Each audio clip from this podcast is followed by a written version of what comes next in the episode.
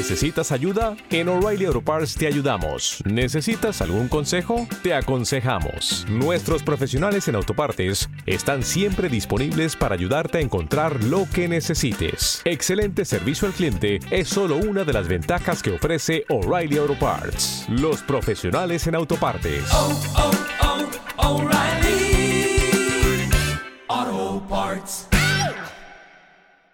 botamos man do noso físico de cabeceira, o profesor da USC e divulgador José Edelstein, para entender un chisco a magnitude do achado. Boas tardes, José. Hola, que tal? Buenas tardes, Manuel. Buenos días para ti, desde Argentina. Así es, estoy en Buenos Aires ahora. E non foi eh, ningunha sorpresa, supoño, ver como a revista Science puso como eh, descubrimento do ano o descubrimento por parte de, de LIGO das ondas gravitacionais. No, para mí no lo fue. Eh, yo a, a, todo el mundo que me escucha le digo que pueden, si quieren, ir a una casa de apuestas para eh, ganar el año que viene algo de dinero, que para el premio Nobel del 2017 yo tengo pocas dudas de quién lo va a recibir. También va a estar relacionado con este hallazgo. Eh, pocas dudas sobre el candidato a premio Nobel, quizás a, a resposta é, a pregunta é cando, pero eso vai caer. E na outra revista de referencia, no Nature, pon os 10 persoeiros do ano. E entre eles, eses 10 persoeiros do ano, está a física sentina Gabriela González, da Universidade Estatal de, de Lusana. Moi boas tardes, Gabriela. Hola, que tal? Tamén bos días para ti, no teu caso. Sí, sí, é cierto. Gabriela foi a portavoz do, do experimento Ligo, foi a imaxe eh, de Ligo durante todos estes anos. Eu, Gabriela, eh, quería preguntarche eh, como se vive eso desde dentro, porque o experimento Ligo traballaron máis de mil investigadores e non foi que o achado fose dun día para outro, senón que son eh, moitos anos de traballo e desde que se detecta o sinal ata que se dá a noticia pasan cinco meses. Eso, como se vive? Eso debe ser unha especie de montaña rusa. Sí, realmente fueron meses eh, muy, muy ocupados. en realidad estábamos trabajando a doble máquina porque la señal, eh, la primera detección de, ondas, pasó cuando recién estábamos empezando a tomar datos, así que tuvimos que tomar más datos y convencernos de que no podía ser debido a ninguna otra cosa que no fuera estos agujeros negros que dedujimos que eran el origen. Pero al mismo tiempo estábamos tomando datos y analizando el resto de los datos, así que, como digo, estábamos trabajando a doble máquina y rindió frutos, ¿no? Porque en diciembre descubrimos otra señal, la segunda señal de ondas gravitacionales. A doble máquina e ademais, eh, supoño que coa presión de decir isto pode ser moi importante, temos que verificalo o máximo por un lado, pero por outro lado eh, está a historia de decir non dar eh, un falso aviso, porque un, unha cousa que compre explicar é que un xeito de que ten de funcionar Ligo eh, para facer probas e eh, insectar eh, datos falsos para ver que todo funciona ben. Eh, non podía pasar que, mm, bueno, estaba desentrenados para todo, pero esta era a de verdade. Exactamente, en realidad hace años que veníamos construyendo estos detectores, décadas, analizando datos, aprendiendo a analizar datos, aprendiendo a reconocer falsas alarmas y, y a veces las inyectábamos nosotros a las falsas alarmas para entrenarnos a nosotros mismos pero sabíamos que esta no era una falsa alarma de ese tipo a propósito porque todavía no teníamos listo el sistema para inyectarlas, así que desde el principio sabíamos que no era una inyección propuesta. Por otro lado, pensábamos que a lo mejor podía ser eh, un hacking. Así que descontar esa posibilidad, así como que fuera algún otro, algún otro efecto, eh, rayos o tormentas o terremotos o movimientos sísmicos, teníamos que descartar toda posibilidad, por más remota que fuera, no, no, no había lugar a error eh, antes de hacer el anuncio, por eso nos tomó meses. Uh eh, -huh.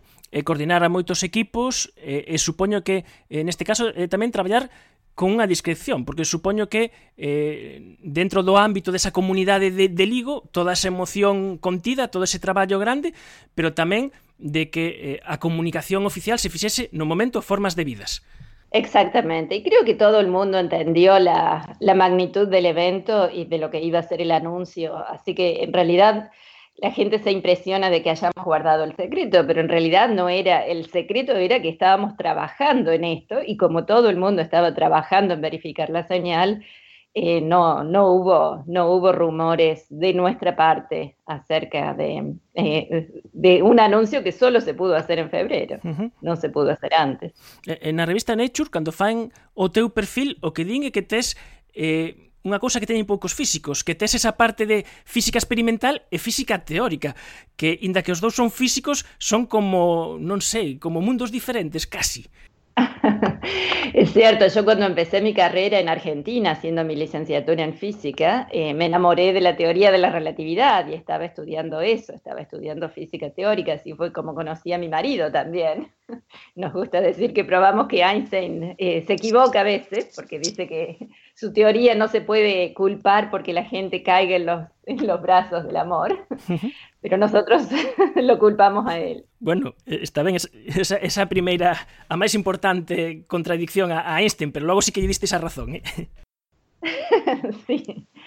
Pero cuando hice mi, empecé a hacer mi doctorado en Estados Unidos, me enteré de este proyecto para medir estas fluctuaciones del espacio-tiempo y medir ondas gravitacionales. Me pareció, me pareció maravilloso y eso es lo que quise hacer y eso es lo que he estado haciendo desde entonces. E a detección de ondas gravitacionais, claro, agora as detectastes, pero este traballo que ven de moitos anos e décadas, eu penso que ten tamén algo de, non sei, de romanticismo, de algo de Don Quijote, porque é a pescuda de algo que parecía moi difícil de, de chegar a detectar. E, por exemplo, eh, Edelstein contou moi ben eh, nun artigo a historia dun pioneiro das ondas gravita gravitacionais que foi Joseph Weber, eh, que morreu sen chegar a conseguilas. O sea, decir que dicían, ti estás tolo, isto non se pode conseguir.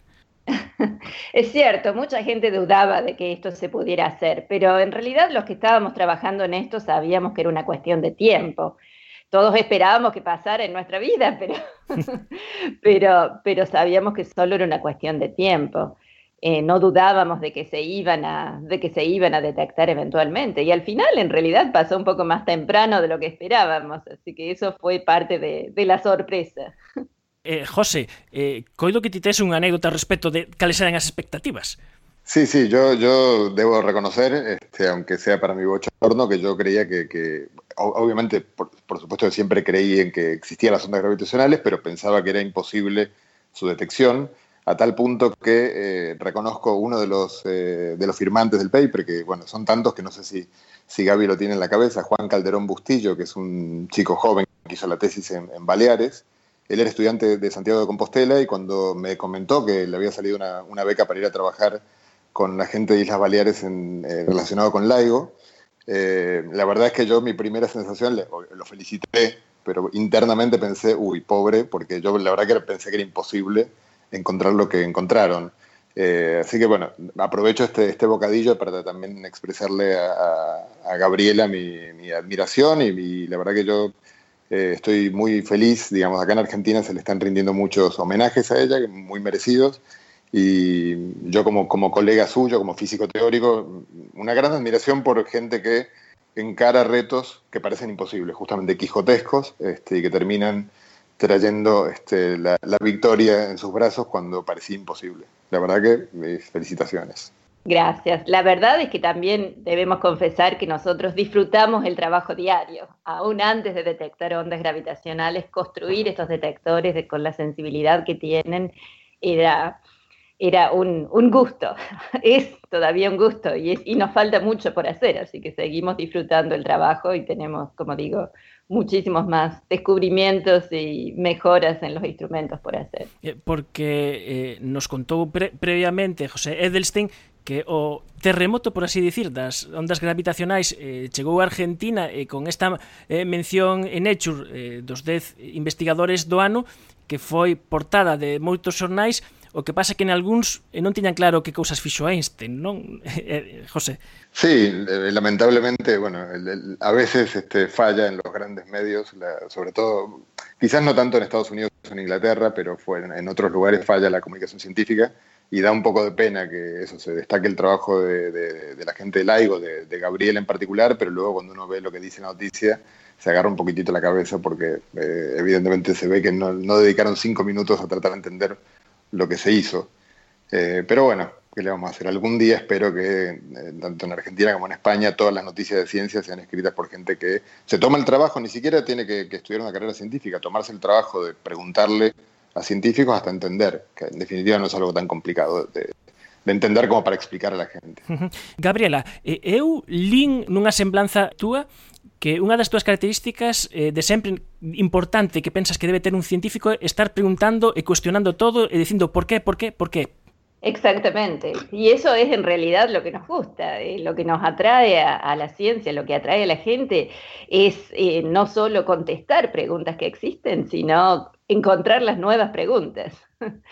Y, y, eso es parte de lo que hacemos todos los días. A veces las preguntas son, son chiquitas, ¿no? ¿Por qué pasa? ¿Por qué eh, el detector eh, produce esta falsa alarma? ¿O por qué tiene más ruido del que pensamos o del que predecimos? Pero es eh, sumando las respuestas a todas estas cosas que salen los descubrimientos grandes. A veces la, las noticias muestran solo el resultado, pero el resultado es la suma de, de miles de personas, de, de años de trabajo eh, contestando preguntas que se suman en una respuesta grande. Uh -huh. eh, para poder chegar a detectar estas ondas gravitacionais está, por un lado, o gran traballo do detector, unha máquina ultra precisa capaz de detectar as máis mínimas variacións nunha longitude de 10.000 veces a longitude dun protón, unha máquina eh, portentosa nas súas características técnicas, pero tamén non se tivese eh, feito este descubrimento se non tivésemos a capacidade de simulación, de computar, de simular que pode pasar, por exemplo, cando eh, dous buratos negros chocan e comparar esa simulación que agora podemos facer, comparar co sinal que obtemos. Grazas a esos dous elementos podemos chegar a este descubrimento. Exactamente, las simulaciones eh, eh, nos enseñaron qué, qué esperar, eh, eran predicciones de qué era lo que debíamos esperar y eso es lo que nos hacía falta para poder distinguir el ruido de la señal, porque sabíamos qué buscar.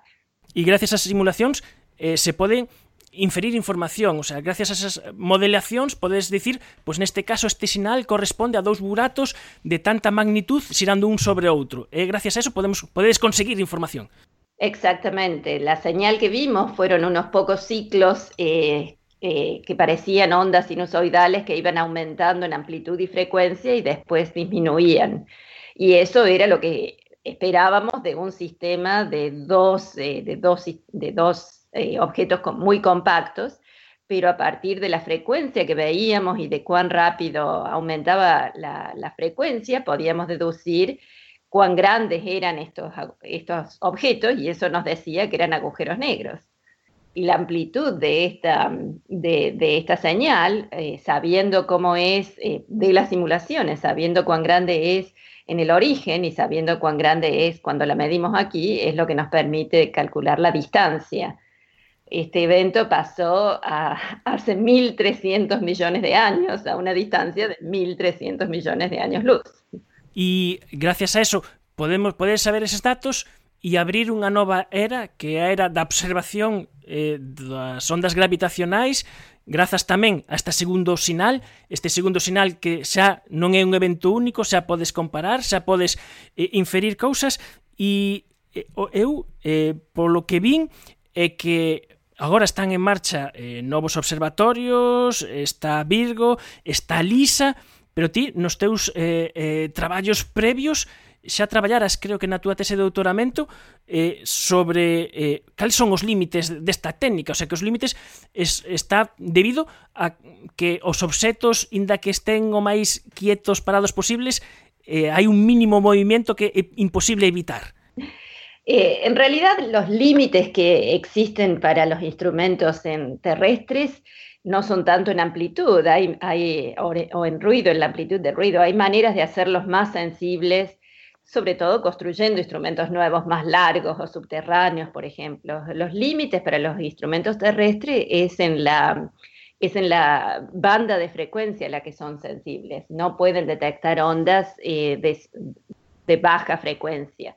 Esas son las ondas que detectarían los proyectos espaciales, por ejemplo. Así como hay distintos telescopios de rayos X, de, de, de, de luz eh, visible, de, radio, de microondas, así va a haber varios instrumentos detectando diferentes frecuencias de ondas gravitacionales.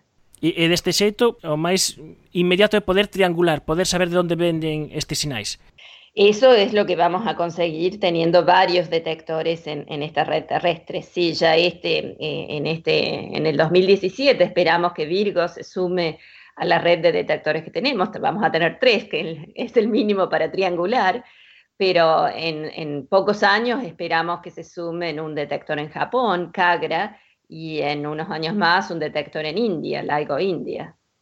A mí me intriga un poco, digamos, evidentemente la detección de ondas gravitacionales eh, abre, eh, es muy prometedora, ¿no? Se abre la posibilidad de, ver el universo, de ver muchísimos fenómenos que eh, son invisibles a, a, la luz o a las ondas electromagnéticas. Me preguntaba si, bueno, no estoy tan seguro por las dificultades, digamos, por la, mínima amplitud, digamos, de las señales, cuán, cuánta esperanza se puede tener en ello. Pero en particular me preguntaba, hace poco hubo un anuncio de eh, de la detección de una serie de ecos en la señal de, de, LIGO y su posible relación con eh, algunas ideas que hay en física teórica sobre, sobre la naturaleza de los agujeros negros. Me gustaría que, Gabriela, que, aprovechar que la tengo acá para que comentara algo, si eso, este, si es así, eh, digamos, si, si, hay posibilidades de, utilizando las señales ya detectadas, por ejemplo, o algunas por, por detectar del mismo tipo, de saber cuál es la estructura de los agujeros negros, del horizonte de los agujeros negros.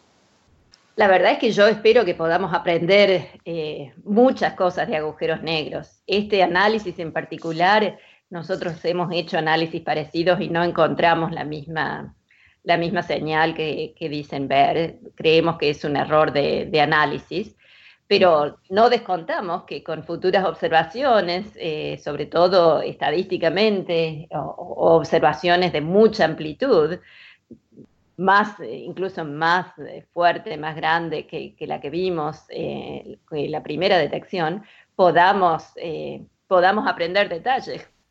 Pero por supuesto necesitamos predicciones teóricas que se están haciendo. Las ondas gravitacionales que pueden ser esas nuevas formas de estudiar los buratos negros. falaba antes, Gabriel, de que ela eh, e, e o seu marido eh, pois contraviniron a Einstein o dicir que da gravedade podía sur, surdir o, o, o amor eh, ele é Jorge Pullín e, e tamén está o outro lado do, do, do fío telefónico de internet neste caso. Eh, boas tardes, Jorge. Buenos días para ti. Sí, buenas tardes. Jorge Pullín que tamén eh, eh, tamén traballa na Universidade Estatal de, de Lusana, especialista en relatividade eh, creo que, eh, bueno, gran conocido de José Edelstein, vos podéis hablar. Sí, yo, yo estuve involucrado en, en, la década del 90 y la primera década de este siglo en predecir las formas de onda que, que está observando LIGO ahora para colisiones de dos agujeros negros. Ahí hay una historia pequeña pero interesante y es que eh, estas simulaciones numéricas de colisiones de agujeros negros se habían intentado hacer desde mediados de la década del 70 y eh, durante 30 años los físicos teóricos fracasamos espectacularmente en, predecir estas formas de onda. Los programas de ordenador que utilizábamos eh, apenas podían simular eh, una fracción de una órbita, cuando lo que hace falta son decenas de órbitas. ¿no? Y hubo muchos progresos, que nos, algunos yo estuve involucrado a lo largo de los años, pero nada parecía hacer funcionar las cosas. Y finalmente, en el año 2005, eh, todos los progresos hechos de alguna manera eh, coagularon, digamos, y se pudieron por primera vez hacer las simulaciones que eh, seguían muchas órbitas. Y a partir de ahí, digamos, se abrió el campo ese y, todo el mundo ahora puede simular sin mayores problemas colisiones de agujeros negros. En ese momento yo me abrí del campo y me fui a trabajar en otras cosas más parecidas a las que trabaja José. Sí, bueno, decía, con Jorge compartimos el, la alma mater, digamos, donde hicimos la, carrera, es en Bariloche, en, Argentina. Eh, Jorge luego hizo el doctorado allí, yo, yo lo fui a hacer en la Universidad de La Plata, él es unos poquitos años mayor que yo. Eh, sí, efectivamente la, historia que, comentó Jorge es, eh, cierta y es muy, muy curioso y muy lindo y muy afortunado el hecho de que recién en el 2005 se haya resuelto el problema teórico que hacía falta para poder hacer estas simulaciones y que se haya hecho a tiempo, o sea, bueno, relativamente hace, relativamente poco, pero afortunadamente los, los teóricos son numerosos y suficientemente listos como para bastante rápido poder, poder haber hecho todos los eh, las simulaciones de patrones que luego permitieron comparar con la señal que se detectó en LIGO. Hubiera sido relativamente trágico que se detectara la señal y que todavía no estuvieran las simulaciones listas como para poder saber exactamente qué se había visto. Sí, de hecho el, físico de Caltech eh, llamado Kip Thorne había hecho una apuesta en la cual apostaba que, que, se iba a detectar primero las ondas gravitatorias antes de que los teóricos pudieran calcularlo, pero finalmente tuvo que conceder la apuesta en el año 2005. Pois menos mal, gracias a eso temos as ondas gravitacionais e sabemos interpretalas. Eh, nada, xa temos que, ir pechando este tempo de conversa eh, extraordinario son unha curiosidade porque eh, vendo as investigacións de Jorge de Jorge Pullin, creo que agora estades en campos eh, non sei se si rivais eh, de, de investigación e de aproximación teórica eh, José Edelstein eh, e eh, Jorge Pullin, inda que sodes os dous do Balseiro. Sí, yo, eh, yo en realidad creo, no creo en esas rivalidades. Eh, hay mucha gente, sobre todo en la Internet, que para distintos eh, enfoques, sobre todo la gravedad cuántica, se pelean mucho y dicen cosas unos de otros. Yo no, no, no comparto eso. Para mí este, aquí el, problema no está resuelto y hay distintos enfoques y de los distintos enfoques eh, yo creo que siempre va a surgir cosas útiles para, para, aprender. Sí, yo tampoco, yo tampoco creo en esas rivalidades, este, veo a veces con, con cierta tristeza, eh, yo creo que el grueso de la comunidad, digamos, no, no, no participa de eso, pero bueno, los que lo hacen, de, de, estos debates en Internet, a veces muy, muy amargos, los que lo hacen, obviamente, este, hacen mucho ruido, ¿no? entonces pareciera que son más de los que realmente son, y yo estoy más o menos al tanto del trabajo de Jorge. Obviamente eh, nuestras áreas están muy especializadas y a veces es difícil seguirlo en detalle, pero bueno, cada tanto nos cruzamos en alguna conferencia, lo escucho. A mí me parece muy interesante lo que, lo, que, lo que él está haciendo y lo que está haciendo la gente que trabaja en la gravedad cuántica de lazos. Algunas cosas me parecen más interesantes que otras. Lo mismo ocurre con mi propio campo. Eh, eh, como él dice, el problema no está resuelto y nadie tiene, digamos, también la probabilidad de que, todos estemos equivocados y que la respuesta sea muy distinta a lo que esperamos eh, también, también, está allí. Eh, comprender la naturaleza cuántica de la gravedad parece un problema, se ha resistido ya varias décadas, no hay razones muy evidentes para mí para eh, poder afirmar que no se va a resistir unas cuantas décadas más. a física teórica con intentando eh, explicar a realidade desde diferentes aproximacións. Pero o que sí podemos contar agora é que, por exemplo, no caso das ondas gravi gravitacionais, o que eran unha teoría que hai máis de 100 anos eh, Einstein predixo, pois agora fomos quen gracias ao esforzo de eh, milleiros de persoas, décadas de traballo, Eh, eh, combinación de esforzos teóricos e experimentais deron a que finalmente o experimento LIGO detectase este ano as dúas primeiras ondas gravitacionais e como eh, portavoz o frente da coordinación de todo este equipo inmenso de persoas eh, está eh, Gabriela González que tivo a sentileza de atender a nosa chamada. Eh, Gabriela, moitas grazas por, por atendernos. No, muchas gracias a ustedes por difundir la ciencia, eso es lo que hace falta. E tamén, como non, pois a Jorge Pullín, que falamos así ao final de Refilón, outro día o mellor tamén o repescamos. Moitas gracias, Jorge. Muchas gracias a ustedes. E bueno, e todo isto tamén eh, foi posible eh, grazas ao, ao noso físico de cabeceira, José Edelstein, o que tamén lle estamos moi agradecidos. Moitas grazas a todos, eh, moi bo ano no. Gracias e felices fiestas. Felices fiestas a todos, buenas tardes.